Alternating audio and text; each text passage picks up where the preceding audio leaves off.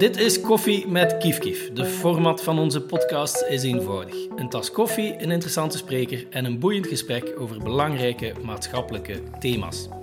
In deze aflevering gaan we dieper in op de verlichting. Nee, niet die van de Boeddha en al evenmin die van uw lieving, maar wel die periode in de geschiedenis waarin ideeën vorm namen die uitermate bepalend zijn voor de wijze waarop het moderne Europa vorm zou nemen. De basis van de moderniteit, zeg maar. Het is naar die basis dat heel wat politici en opiniemakers te pas en te onpas verwijzen wanneer ze het hebben over de normen en waarden van onze samenleving. Alleen blijken ze dat niet altijd even consequent te doen. Meer nog, het beleid en het discours van sommige politici en opiniemakers kunnen we misschien zelfs omschrijven als een vorm van anti-verlichting.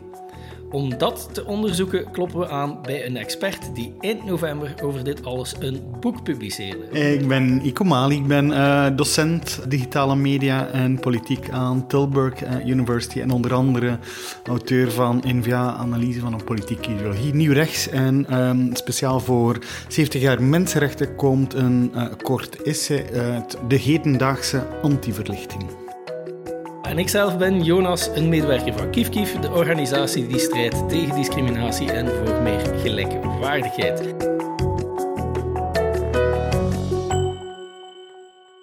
Ico, je zei het al, een nieuw boek of een nieuw essay, laten we zeggen, werd uitgegeven bij EPO en heet De Hedendaagse Antiverlichting. Een sprekende titel die ons meteen bij de kern van ons thema brengt. En we zouden eh, meteen kunnen overgaan dan ook naar de vraag wie dat volgens u de protagonisten zijn van die hedendaagse antiverlichting. Hoe dat je kunt zien wat dat ze zeggen en waarom het antiverlichting is. En wat dat we kunnen doen om dat discours te counteren. Maar voordat we tot dat alles komen, misschien moeten we toch eerst een paar concepten uitklaren. Want ik heb zo het gevoel dat de term de verlichting vandaag nogal als een containerterm gaat dienen. En niet alleen is het zo dat een term is die in de mond genomen wordt door politie van het hele spectrum, van links tot rechts. Het lijkt ook gewoon een beetje symbool te staan voor uh, een verzamelbak aan concepten als kritisch denken, vrijheid van meningsuiting, secularisme, de gelijkheid van man en vrouw en zo verder. Dus misschien eerst toch gewoon de eenvoudige vraag: wat bedoelde jij precies met de term de verlichting? Oké, daar heb ik een half uurtje voor, vermoed ik.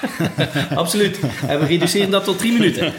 Um, als we gaan nadenken over uh, verlichting, uh, de verlichting, denk ik dat het belangrijk is om meteen de de in vraag te stellen. Hè. Dus als we kijken naar, we kijken in eerste instantie 17e, 18e eeuw, als we gaan nadenken over uh, de verlichting. Um, en heel vaak wordt dat voorgesteld als iets dat ingerealiseerd is en dat vrij homogeen is. Je hebt de verlichting en dan heb je het ancien regime. Nu, op het moment dat je begint... Um, een studie te maken van al die intellectuelen, eh, de filosofen van eh, die 18e eeuw, dan merk je heel snel dat heel veel van die mensen, ook al zijn ze allemaal verlichtingsfilosofen, eh, niet door dezelfde deur naar binnen kunnen. En ik denk dat dat van groot belang is, ook vandaag nog. Om te vatten wie dat wie is in die verlichting en om een aantal onderscheiden aan te brengen. En ik denk het belangrijkste onderscheid is het onderscheid tussen de gematigde verlichting en de radicale verlichting. Geef ik hier concrete voorbeelden daarvan? Wel heel, heel interessant. Eh, alle grote filosofen die we normaal gezien associëren met de verlichting, zijn gematigde verlichtingsdenkers. De uh, Rousseau's, de Voltaires uh, en tot een zekere mate ook Kant van deze wereld zijn gematigde verlichtingsdenkers. Wat meteen wil zeggen dat het gros van hen bijvoorbeeld geen democraten waren. Dat is ook geen fans waren van universele mensenrechten. Dat is ook niet geloofde zoals Voltaire dat de gewone mens moest verlicht worden. En dat die ook verlicht kon worden uh, en zo verder. Uh, en dat is natuurlijk een heel grote breuk uh, met degene die ik denk, tot op vandaag heel relevant zijn en interessant zijn. Dat zijn de mensen als Diderot, D'Alembert, Dolba, Payne, Price, Priestley, Sie. Dat zijn de mannen die door uh, de groten, de Montesquieus, uh, tot diep in de 18e eeuw gezien werden als um, gevaarlijke idioten. Les philosophes modern waren dat. Dus de moderne, waar dat ze, uh, de Voltaire is niet meteen fan van was. Er is een enorme briefwisseling uh, daar rond, waarin dat Voltaire eigenlijk chargeert op die moderne filosofen. En ze waren er geen fan van, omdat die moderne dan uh, iedereen in de samenleving democratische rechten willen geven en omdat ze werkelijke universele mensenrechten ja. voorstaan. Dus dat is het grote punt. Dus je ziet uh, dat uh, iemand als de Condorcet, uh, ja. koop die boeken van de Condorcet en je zal zien hoe relevant dat, dat vandaag is. Dus dat zijn democraten. Die dromen van generale revolutie. die zetten bewegingen op om de zwarten uit de slavernij te bevrijden. Die zetten de eerste feministische bewegingen op. dus vanaf dat je die dingen leest en de argumenten die daar ontplooid worden, die voelen uitermate hedendaags aan. En meer nog, het gros van die argumenten is vandaag radicaal. Ja, dat is eigenaardig. Hè? Hoe komt het dan dat wij vandaag, hè, want ons wereldbeeld of ons maatschappijbeeld gaat ervan uit dat in de verlichting dat soort ideeën ontwikkeld zijn, maar blijkbaar waren dat radicalen die door diegenen die we dan spontaan met die verlichting associëren, ideeën die zij verwierpen, maar we zijn dan gaan doen alsof dat hun ideeën die ideeën zijn. Eigenaardig omdat je ziet dat die gematigden vrij snel na de Franse Revolutie weer aan zet komen. Okay. En dat die dus in het Pantheon ook uh, gevierd worden uh, als de grote filosofen, de radicale denkers die wel vrijheid en vrije meningsuiting centraal gaan zetten. Maar dus die radicale, het gros is gestorven. Hè? Ja. De Condorcet is onder de guillotine beland. Hè? En pijn is uh, net kunnen ontsnappen maar omdat ze het foute kruis op de deur onder de guillotine beland zijn als uh, de guillotine, in ons hoofd in elk geval, de, het ancien regime was die er. Nee, de guillotine was Robespierre. Hè? Ja. Dus dat is ja, ja. een deel van de, de mensen van het ancien regime die onder de guillotine dus, beland zijn door de Robespierre. Zoals altijd, realiteit is complex. En meteen zie je dat die labeltjes van de verlichting, alsof dat een hele eeuw was en dat dat iedereen in de ban hield, dat dat natuurlijk niet klopt. Hè? Dus je ziet uh, een Parijs bijvoorbeeld, waarin dat er enorme maatschappelijke evoluties zijn, dat er een hongersnood is, en waarin dat de taal van die radicale filosofen die gelijkheid centraal stellen, opeens ingang vindt bij de gewone mens. Je krijgt een revolutie uiteindelijk, je krijgt een nieuwe de nieuwe mensen zijn aan zet. Mensen als Condorcet houdt uh, de pen vast van de grondwet. Sien is uh, de man die mee verantwoordelijk is voor de structuur van Frankrijk en zo verder. Maar heel snel worden die gezien als te kritisch. En ze keren zich af tegen uh, de mannen van Robespierre en zo verder. Het gros moet vluchten uh, en uiteindelijk worden ze gepakt en uh, zitten ze onder de guillotine. Ja. Interessant. Um, ik denk dat we nog een groep aan het vergeten zijn, in die zin dat je het hebt over de gematigde verlichtingsdenkers, de radicalen. Um, maar er is ook nog een groep, denk ik, die dan, uh, hoe zal ik het zeggen, rechts van de gematigde denkers zal staan. En uh, waarvan dat ik weet dat in uw boekje, dat is waar je mee naar verwijst, naar de antiverlichting. Maar juist als het zo'n complex kluwen is, kunnen we niet gewoon over het rechtsere segment van de verlichting spreken. Waarom dan anti-verlichting? Ja, omdat het echt anti is. Het is uh, dus heel die stroming ontstaat als een reactie op de radicale verlichting. Dus en één... De eerste is Vico Giambattista, maar de eerste echt gekende is Edmund Burke, met reële impact. Uh, en herder dan aan de andere kant. Maar je krijgt Burke, en je moet zijn Reflections on the Revolution in France er eens bij nemen. Dat is dat is een frontale aanval op wat, alles wat die verlichting voor staat. En heel vaak wordt Rousseau uh, centraal gesteld, de filosoof van de gelijkheid. Uh, en dus je krijgt daar een heel nieuw denken. En heel vaak uh, er zijn verschillende manieren om Burke te gaan begrijpen. Mm -hmm. Een van de redenen is, hij vertrekt vanuit de Whigs. Hij is een lid, hij is een politicus in House of Commons, in dienst van een lord. Dat is een, een beetje een dubieus figuur. Hij zit eigenlijk in uh, de liberale, uh, revolutionaire partij uh, van Groot-Brittannië. Maar binnen die partij neemt hij heel specifieke positie in. Hij schiet op Price, op Priestley, op al de mensen die voor democratie zijn in die partij. En neemt eigenlijk een heel specifieke positie in, die ook niet terug wil naar het verleden. En dat is het interessante. Dus die anti-verlichting is een moderne beweging. En in die zin, uh, Israël uh, zet Burke daarom onder de rechtse, gematigde, conservatieve verlichting. Uh, Steve Stern, heel wie ik volg in deze, zegt van nee, Burke is het begin van iets helemaal nieuws. Burke is begin van een nieuwe intellectuele traditie, de anti-verlichtingstraditie noemt hij dat, uh, die een tweede moderniteit wil. Die nieuwe moderniteit wil die gestoeld is op universele mensenrechten, op democratie, op uh, gelijkheid, vrijheid, solidariteit en zo verder. Maar die moderniteit wil die gestoeld zit op de natie. En de natie is iets nieuws. dan. De wereld waren rijken, empires.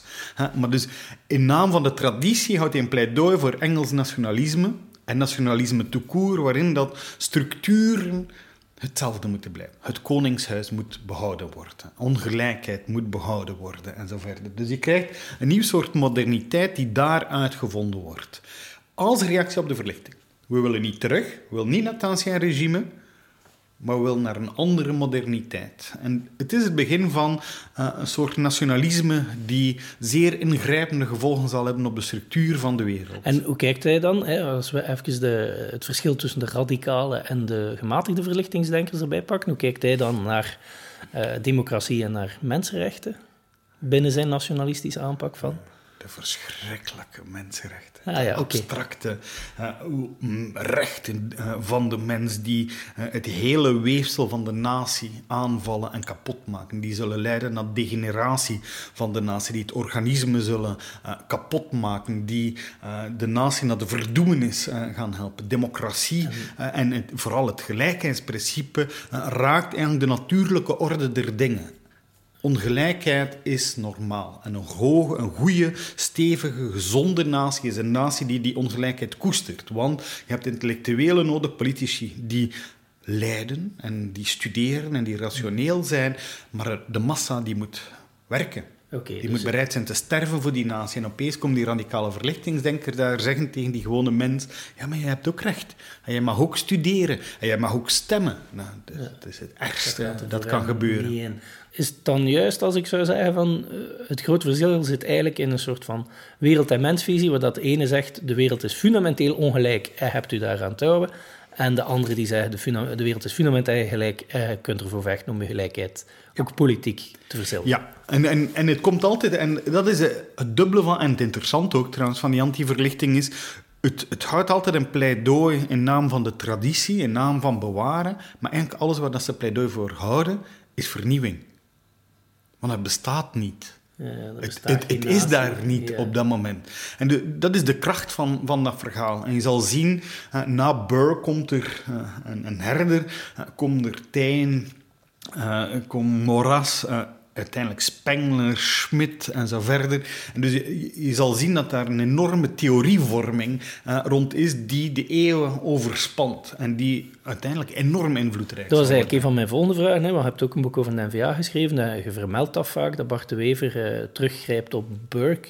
Uh, en dus een van mijn volgende vragen ging zijn, is er wel, een, is er wel zo'n lijn van overdracht van ideeën? Ja, dus, ja. zoals dat je net zegt. Uh, twee vragen daarover. Eén, zegt de Wever letterlijk dat hij teruggrijpt naar die traditie van denkers? En twee, waarom kennen we die traditie quasi niet? Ja, het is interessante met alle hedendaagse anti-verlichtingsdenkers is dat ze eigenlijk allemaal zeer expliciet zijn. En dus Bart de Wever start met uh, te verwijzen. Zijn eerste echt intellectuele stuk, en de reden waarom dat veel hem zien als een intellectueel, was een hommage aan Edmund Burke. En hij zegt uh, natuurlijk van, ik neem niet alles over. Mm -hmm. He, want, ja, hoe, hoe kan je hier zeggen dat uh, nieuwkomers zich moeten aanpassen aan de waarde van de verlichting als je uh, een ode brengt aan iemand die een virulente aanval uh, uitvoert op diezelfde verlichting. en hij zegt dan, ja, ik heb wel daarvan geleerd. Ik heb zeer invloedrijk, een aantal van die ideeën moeten we weerhouden, maar er zijn een aantal dingen veranderd. en, en dat moeten we ook in rekening brengen. En dus daar komt de verlichting in. Dus dan zegt hij, waar dat Edmund Burke de spirit of gentleman en spirit of religion zou centraal stellen als kernelementen uh, van de natie, uh, zegt uh, Bart Wever nu, ah dat is vervangen door de spirit of enlightenment. Mm. Ja, zo, zo wordt het wel paradoxaal en complex. Maar kunnen we, zouden we Bart Wever niet moeten gelijk geven in zekere zin? Dat hij inderdaad zich gewoon interesseert voor ideeën die we nu verwerpen... Of, iemand die we nu in zijn geheel verwerpelijk vinden. Sommige ideeën daarvan kunnen interessant zijn. En dus je zou kunnen zeggen dat Bart Wever dat doet. Plaatst hij zichzelf in de, eh, in de verlichting en uh, gaat hij gewoon een beetje gaan kijken aan de overkant.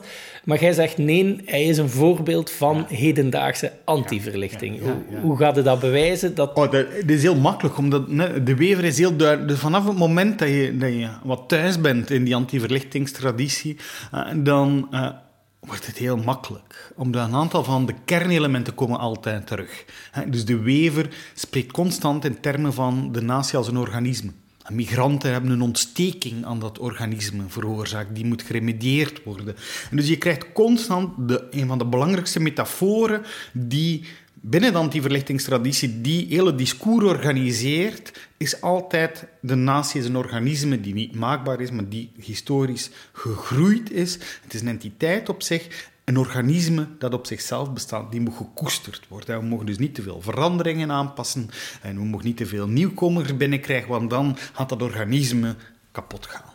En dus je ziet dat bij de Wever, maar je ziet dat dus ook bij een, iemand als Thierry Baudet. Je ziet delen daarvan bij Trump, je ziet dat bij Le Pen, je ziet dat bij Salvini, bij Franke, eh, bij Holslag. Jonathan Holslag. Ik weet zeker, Jonathan Holslag heeft ofwel Spengler gelezen of heeft heel wat mensen eh, gelezen die Spengler gelezen hebben. Maar dus je krijgt constant die idee, die natie moet overeind gehouden worden. Die moet gekoesterd worden. En die is veel belangrijker dan de individuele rechten uh, van mensen.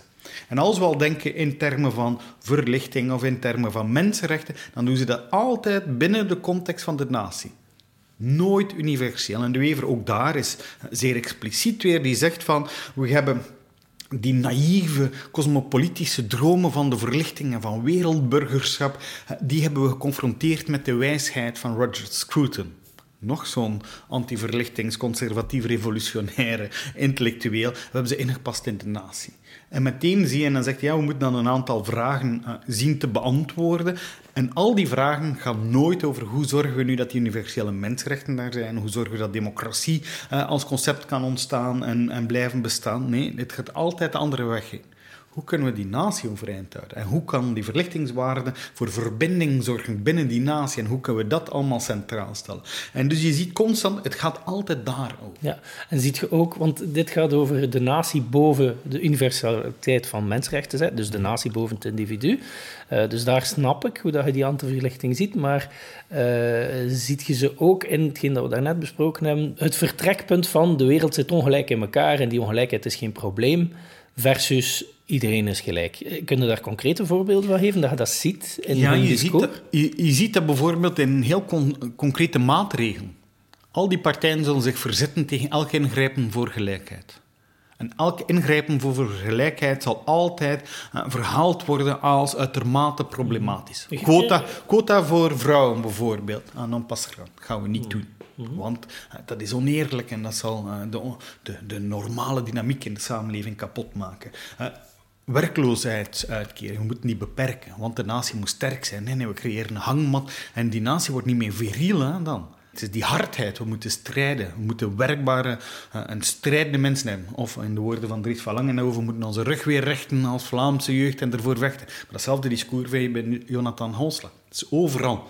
En dus het constante idee dat een nadruk op rechten uh, zal leiden tot een zwakke natie tot het uiteenrafelen van sociale cohesie uh, en zo verder. Ja, maar een heel typisch antwoord van de rechterkant zou zijn: ja, maar wat wilde dan? Je kunt toch ook niet zomaar alles geven aan iedereen. Het is zo'n zo'n stomme dooddoender, hè? omdat de kern zit hem natuurlijk is: gaan we erover nadenken hoe dat we het doen? En, en waar moeten we dan doen? Hè? Waar, waar zitten de hefbomen? En vanaf het moment dat we daarover gaan nadenken, dan heb je meteen door dat alle grote. Uh, problemen, uitdagingen van deze wereld, die situeren zich op een globale schaal. Ecologie, en ecologie als een driver eh, van migratie, dat, dat krijg je dus niet gefixt in Vlaanderen. Hè. Ehm, sociale zekerheid. En dan zeggen ja, jullie cosmopolieten, die, jullie organiseren uh, concurrentie. Hè. De Polen komen hier werken aan een lager loon en zo verder. Ja, maar waar zit het antwoord? Het antwoord zit wel op een sociale zekerheid op Europese schaal, op zijn minst te gaan uitbouwen. Dus je, je merkt dat alle echte oplossingen, vanaf het moment dat je mensenrechten centraal stelt en gelijkheid centraal stelt, dan zitten al uw oplossingen op een hoge schaal. En nu moet je eens heel concreet zijn. Wie blokkeert dat? Wie blokkeert het werken naar oplossingen op hoge schaal? En dan zie je altijd dezelfde partijen terug. Iemand als Thierry Baudet zeer openlijk. Hè? Die zei, uh, we moeten kiezen oftewel de grenzen van de natie ofwel de mensenrechten. Heel expliciet. De VVD heeft dat voor een stuk ook gedaan, hè, met zijn opiniestuk over wat was Je moet kiezen sociale zekerheid of alle vluchtelingen binnenlaten. Je krijgt constant dezelfde redenering. En vanaf het moment dat je dat verhaal door hebt, en dat is ook de reden dat ik dat laatste boek geschreven heb, is, ik wou het heel kort schetsen, zodat mensen toelaten om het te herkennen. Hoe komt het dat we het nooit herkennen? Dat vind ik er iets interessant aan. Gelijk dat het nu schetst, is het op zich redelijk opzichtig. Mm maar hoe komt het dat mensen die van zichzelf denken dat ze zo pro de verlichtingswaard zijn, democratie en mensenrechten, toch iedere keer opnieuw daar compleet naast kijken als er anti-verlichtingsideeën worden verteld? Er zijn een aantal dingen daar. Hè. Um, hoeveel mensen hebben boeken gelezen van de filosofen waarover dat ze de mond vol hebben? Ik durf dat uh, enorm in vraag te stellen uh, of er uh, in België alleen al duizend mensen Condorcet gelezen hebben. Ik, ik vermoed van niet. Uh, dus dat is één. Je hebt een aantal kennis van waar komt die kennis. De verlichting is, zeker sinds uh, de jaren negentig, een dominante troop, een dominant onderwerp in het Westen om onszelf te gaan definiëren.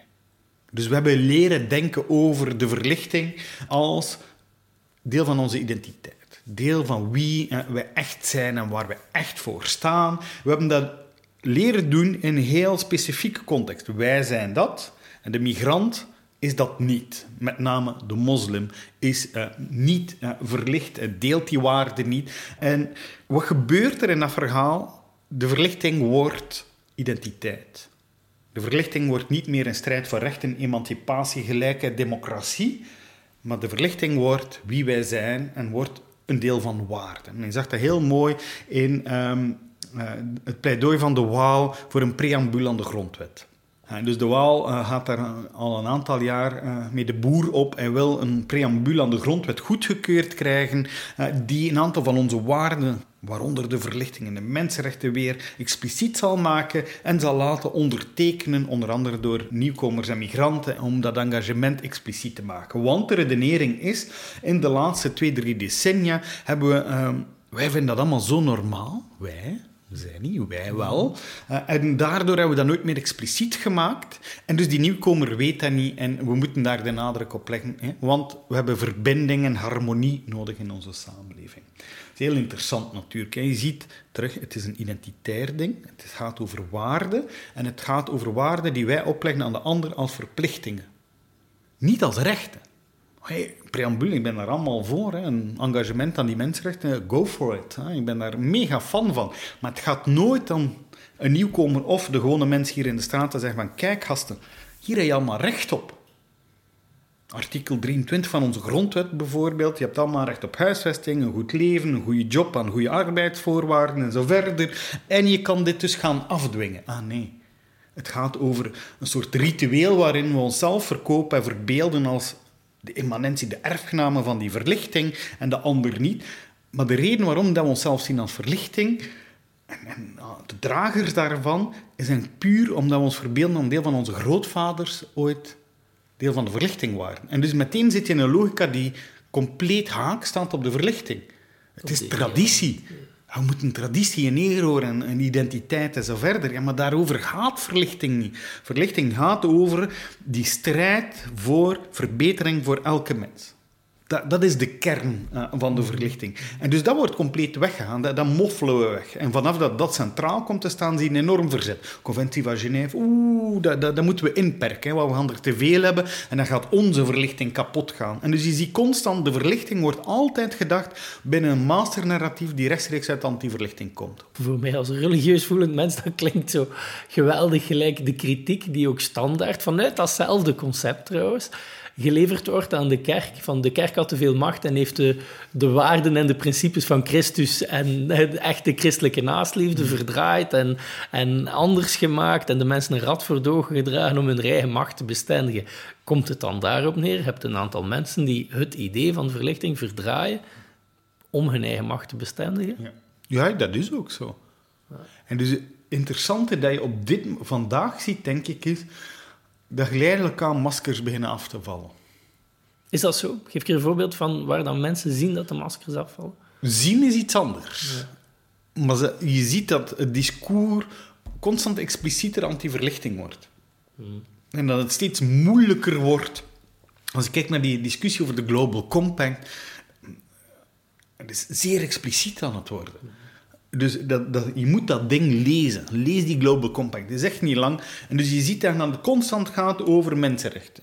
En het gaat niet over, en, de westerse landen moeten iedereen maar aanvaarden en zo verder. Maar het gaat er wel over, op het moment dat een migrant daar komt, die migrant heeft mensenrechten. En wat zegt men hier? Ah ja, ja, maar daardoor gaan er meer komen als we die respecteren. Ah, oeh, maar wat toch... De verlichting, ja, dat was, mensenrechten, dat was toch waar dat wij voor stonden.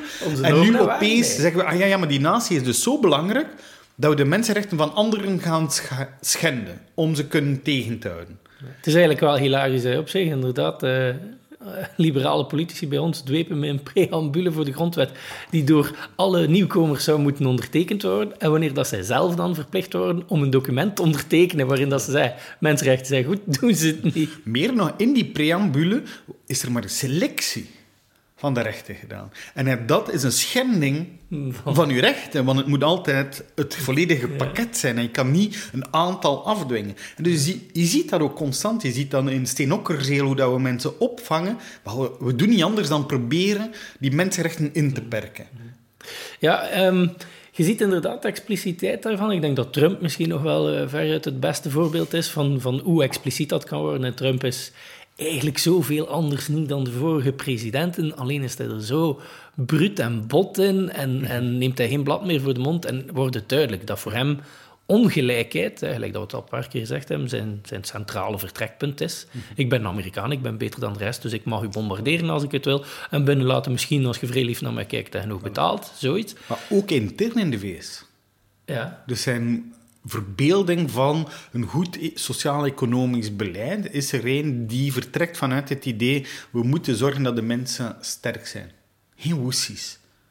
Geen sociale zekerheid en al die zever. Nee, nee, nee. Laat ze maar werken. Ja, dan zitten we meteen op een fascistisch ideaal waarin dat de mannelijkheid ook eh, zwaar opgehemeld wordt en als Maar een dat is wordt volledig terug. Hè.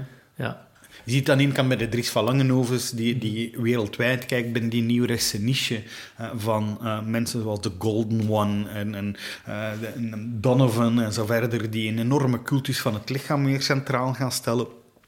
En u ziet dus ook een Instagram staat vol met bodybuilding en defensie en, en pleidooien voor weer een alfamanneke te worden. En zo mannelijk sterk te zijn dat je niet meer masturbeert maanden aan een stuk, zo dat soort dingen. En dus een enorme verzet tegen feminisme. En daar zie je terug weer het verzet tegen die strijd eh, voor gelijkheid natuurlijk. Het feminisme wordt gezien als degene die van de man een beta-man gemaakt heeft. En dus dat moet nu weer geremedieerd worden. Maar diezelfde logica vind je ook bij een, eh, een zogenaamd top, top-intellectueel in Vlaanderen, toch? Jonathan Halslag, die net hetzelfde doet.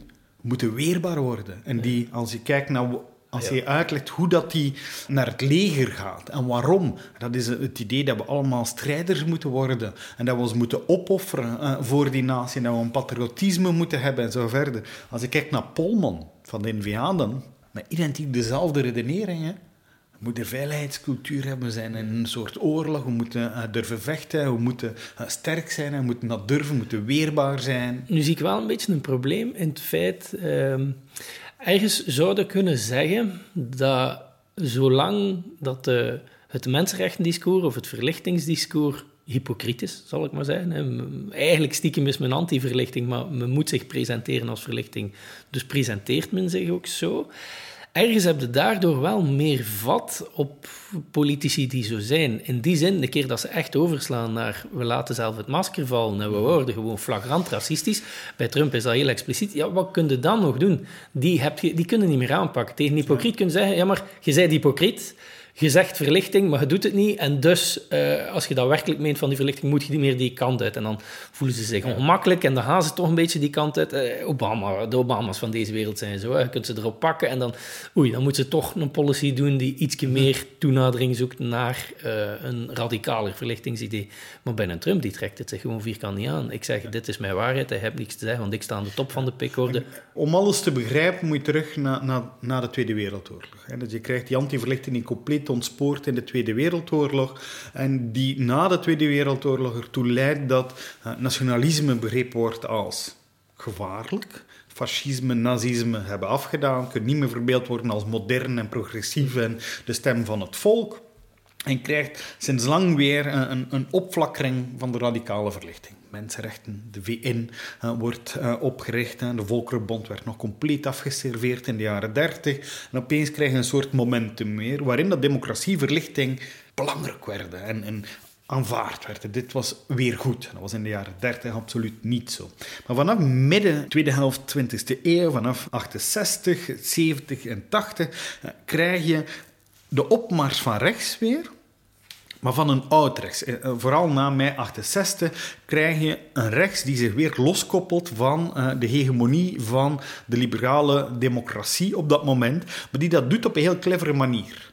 Namelijk niet meer expliciet zeggen dat ze antidemocraten zijn, dat democratie gewoon volksverlakkerij was. Dat was wat Mussolini zei in de jaren 30, maar die de woorden zelf gaan veranderen. Wat ondertussen gekend staat als de metapolitieke strijd van rechts. We gaan een ideeënstrijd aan. We gaan proberen onze ideeën in het maatschappelijk debat te brengen en die aanvaardbaar te maken. En hoe doen ze dat? Door ze te herdefiniëren. We zijn uh, feministen, we zijn feministen van het verschil. We gaan dus de ingerend biologische verschillen tussen man en vrouw vieren. Ja, ja, ja. Zijn er dus- mensen die werkelijk de, het concept, we zijn de feministen van het verschil? Dus de, als ik kijk naar de manifesto van Nieuw Rechts van uh, Alain de Benoit, dan staat dat daar letterlijk in. Hetzelfde ook, we zijn antiracisten, maar we vieren verschil. Dus het verschil staat centraal.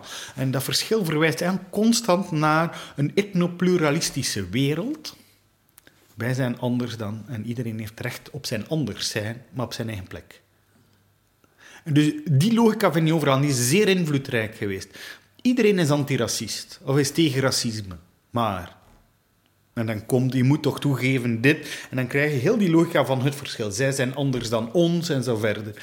Uh, en dus hetzelfde met democratie. Democratie is dan niet meer het realiseren van mensenrechten. Dat, als ik kijk naar democratie binnen de radicale verlichtingsdenkers, was dat altijd de basis is mensenrecht. En daar valt niet aan te tornen. En dan heb je een representatief systeem die daaraan gekoppeld is, maar dat representatief systeem kan nooit tegen de mensenrechten ingezet worden.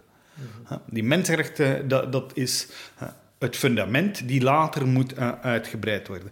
Wel, als je kijkt naar nieuw rechts en, en rechts uh, na uh, mei 68, dan ga je zien dat men daar democratie gaat invullen als de stem van het volk. En als stem van het volk vindt dat alle migranten moeten oprotten, dan is dat democratisch opeens. En zie hoe...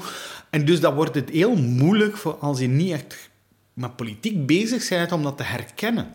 En om je daar dus tegen te verzetten. Je moet daar er is daar wat werk aan om dat ding uit elkaar uh, te rafelen. Ja, moet dat, hè, zoals men academisch noemt, dat deconstrueren. En dat is geen gemakkelijke zaak natuurlijk. Maar is dat dan het eerste dat moet gebeuren als we nu even uh, een activistische kijk erop nemen? Wat doen we daar nu aan om dat discours te counteren? Uh, deconstrueren is al stap 1 of moeten er andere dingen gelijktijdig gebeuren? Of? In mijn boek heb ik mij laten verleiden. Ik heb er lang over getwijfeld of het erin gaan laten, maar dus het laatste hoofdstukje is en wat nu? En dus het eerste is analyseren. Dat, dat heb ik hopelijk in mijn eerste en tweede hoofdstuk gedaan. Je moet altijd begrijpen.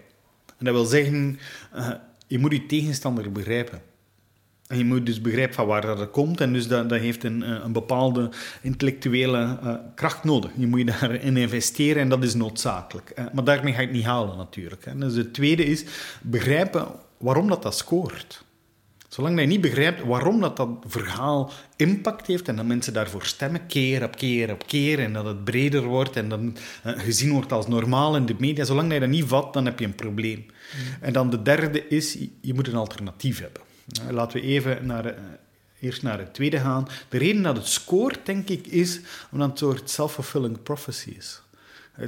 de globalisering is een reëel gegeven. En dat raakt de natie, en dat raakt ons allen. Onze lonen staan onder druk. Uh, ik zit in de academische uh, wereld. Wel, die academische wereld is door en door globaal, maar is ook door en door neoliberaal aan het worden. En dus die mythe die mensen nog altijd hebben van de professor die zelden op een bureau is en die ondertussen rustig onderzoek doet. En, dat is dus niet zo. Er zit een enorme druk. En dat is overal zo. Ik, ik ben geprivilegeerd op dat vlak. als je aan de band staat, dan weet je, het moment die fabriek kan verdwijnen dus er is een, een zeer reële druk uh, op ons leven. Ondertussen gaan we vaak met twee gaan werken en kom je net toe. Veel spaargeld is er vaak niet. Uh, de kinderen uh, moeten daar nog tussen gestoken worden. Je wil de goede vader en moeder zijn, je wil de goede arbeider zijn, je wil je job houden, je wilt toch ook nog een sociaal leven hebben. Overal krijg je beelden dat we moeten consumeren. en dus je ziet een enorm... Er is een gevoel van neergang. En, en dat leeft. En, en dus je moet vatten dat de rechterzijde speelt daarop in. Met een heel, in West-Vlaanderen zou zeggen, een heel leep verhaal. Namelijk, we gaan nu een oplossing serveren die een deel van de kwaal is.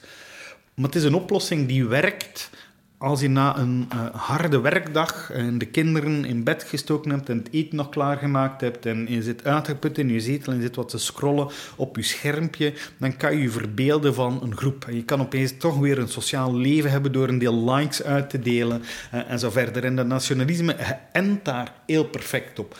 En dus weet je meteen ook, je, je moet dat gevoel van neergang zien te vatten en zien te appelleren aan dat gevoel uh, van neergang.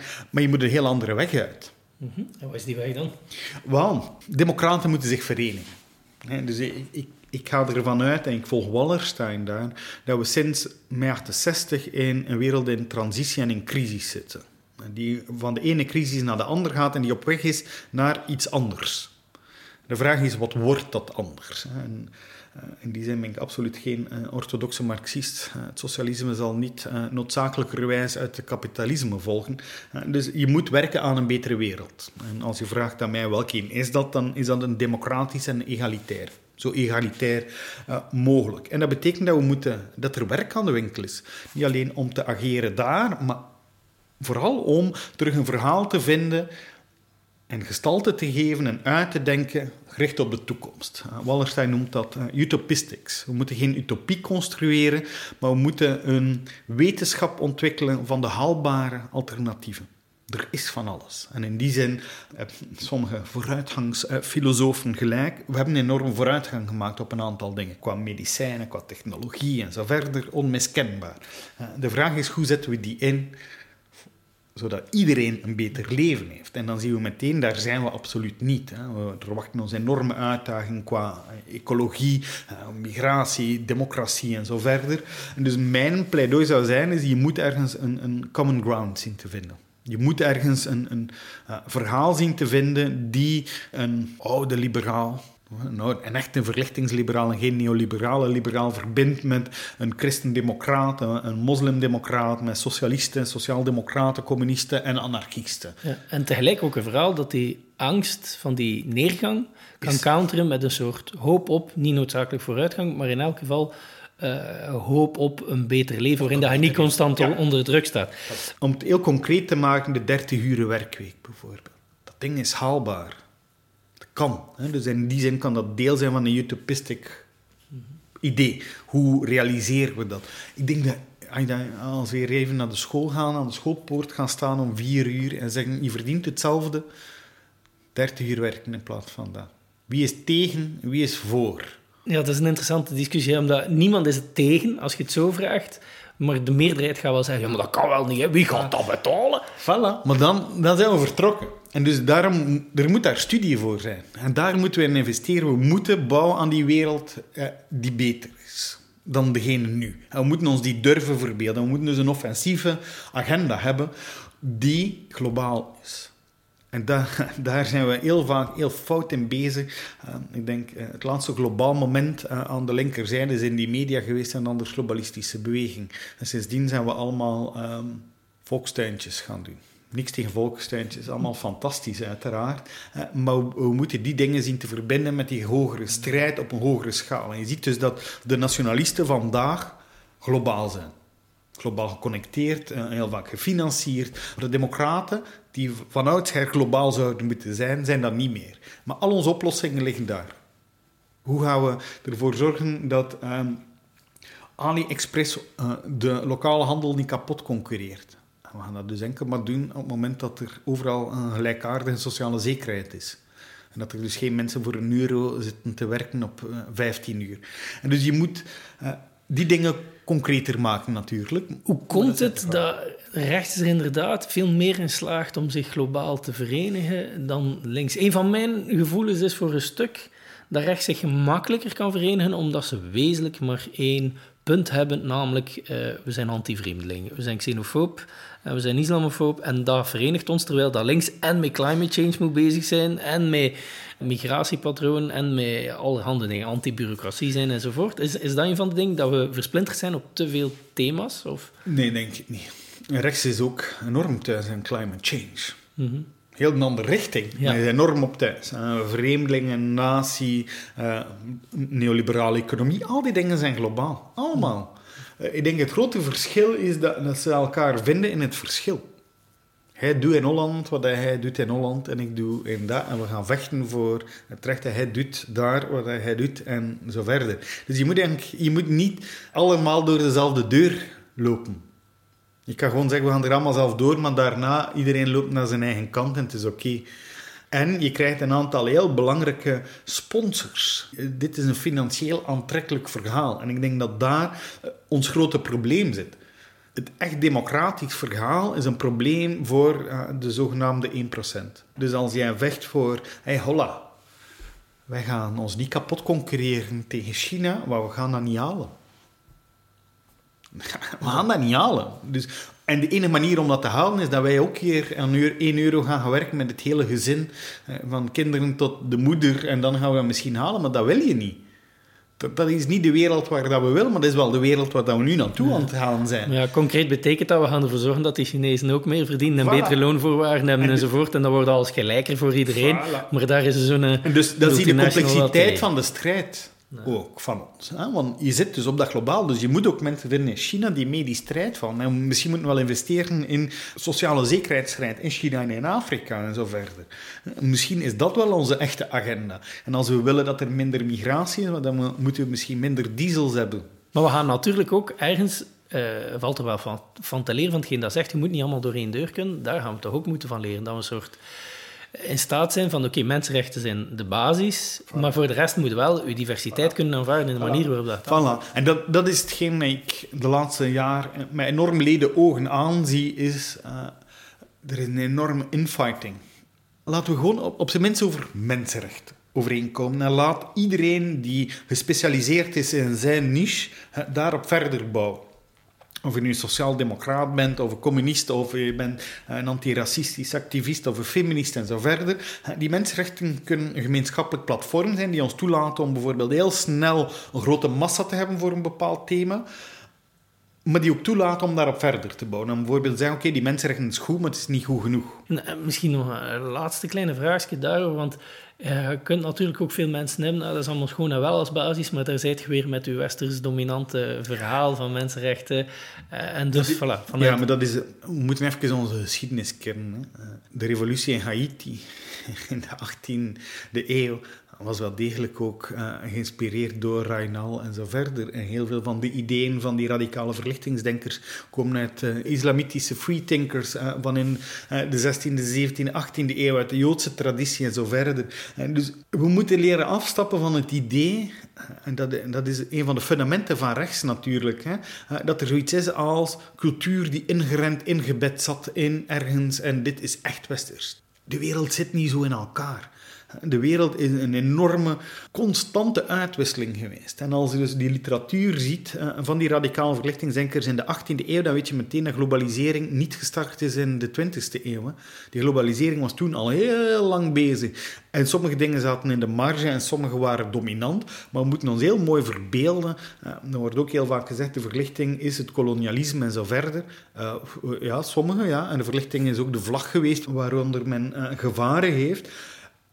Maar Raynal was een radicaal verlichtingsdenker en was de eerste fundamentele kritiek op kolonialisme in Indië bijvoorbeeld. En Raynal werd gretig gelezen, eh, de Toussaint in Haiti. Dus waar zijn we mee bezig? Laten we over ideeën praten. Ik denk dat dat het belangrijkste is. Ico, heel erg bedankt voor dit uh, waanzinnig boeiende gesprek. Dit was weer eens koffie met Kief Kief. Hopelijk was het boeiend genoeg om je aandacht tot hier vast te houden. Als dat inderdaad het geval is, dan kan je ons een groot plezier doen door ons wat sterretjes te geven in het programma waarmee je podcasts beluistert. Zo zal Koffie met Kief Kief wat gemakkelijker gevonden worden door mensen die op zoek zijn naar interessante podcasts. En als je er graag voor wil zorgen dat onze podcasts interessant blijven, dan kan je altijd mailen naar jonas.kiefkief.be met voorstellen van thema's of personen die volgens jou in een volgende aflevering aan Pot moeten komen. Vrede en alle goeds en tot de volgende.